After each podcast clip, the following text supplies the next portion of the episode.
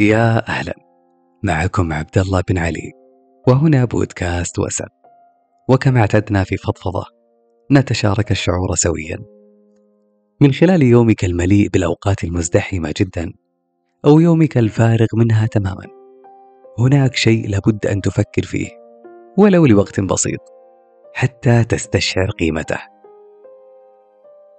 النعمة الخفية في حياة كل منا هنالك تجارب ومعلومات وقصص ولحظات وتفاصيل صغيرة مثيرة مملة مكررة يلتقطها دماغنا فيذهب بها لمخزن الذكريات ليجعلها في عالم النسيان. فنجد أنفسنا يوما لا نستطيع تذكر بعض التفاصيل القديمة أو الأشخاص العابرين حتى من كانوا مهمين في مرحلة ما من حياتنا. ولا نستطيع تذكر إحساسنا بالألم لفقد عزيز. وكيف نمنا يومها أو شوقنا لمغادرته؟ وبكاءنا ساعات طويلة جدا. وربما ننسى سعادتنا لحدث ما. عملنا عليه أيام وربما شهور. وكيف كانت مشاعرنا وانتظارنا له؟ وبأي طريقة عشناه؟ وكيف تخطينا ذلك ونسيناه؟ كل تلك التفاصيل جعلها النسيان وراءنا. وأفقدنا الشعور بها وخلصنا من أعبائها.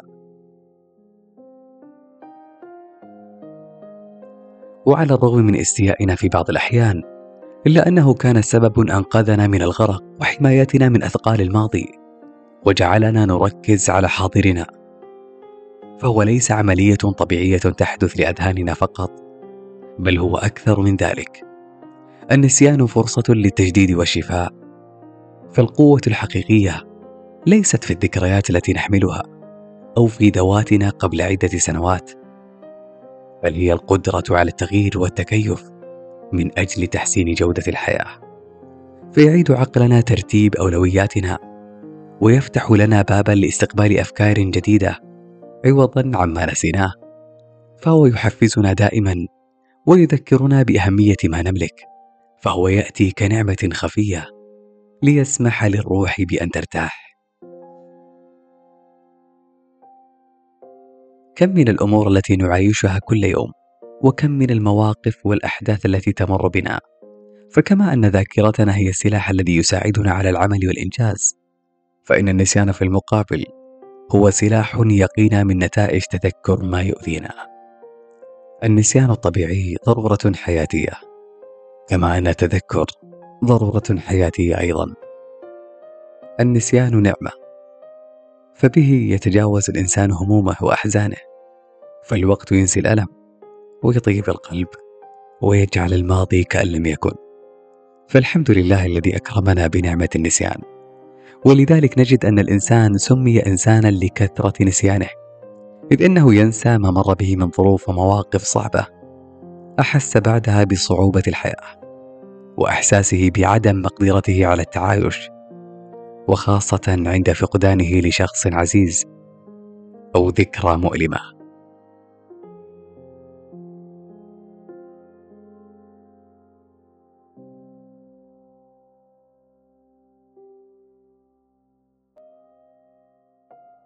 النسيان أمر إيجابي هام فإنه قد يدفعنا للأمام ويجعل الإنسان دائم المحاولة والبدء من جديد.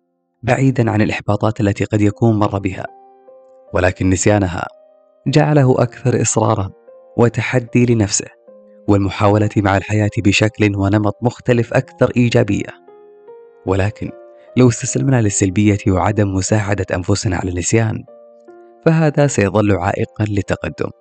ولكي نتعلم النسيان لابد أن نضع في أذهاننا حقيقة مؤكدة. أننا لا نستطيع أن نغير الماضي. أو نمحيه. ولكن تذكرنا الدائم له سيظل عائقا أمامنا للاستمتاع باللحظة الحاضرة. ونحن بين انامل الزمن الذي يترك لنا اللحظات التي انغرست في قلوبنا والبعض الآخر يشتته ويهبه للريح تعبث به. فتغرب الذكريات ليشرق غيرها في دورة الحياة. النسيان ليس سوى قلب صفحة من كتاب العمر. قد يبدو الأمر سهلا، لكن ما دمت لا تستطيع اقتلاعها، ستظل تعثر عليها بين كل فصل من فصول حياتك. قالوا قديما لولا نسيان الأحزان لما ابتسم الإنسان. وأخيرا النسيان الإيجابي نعمة. استمتع بها.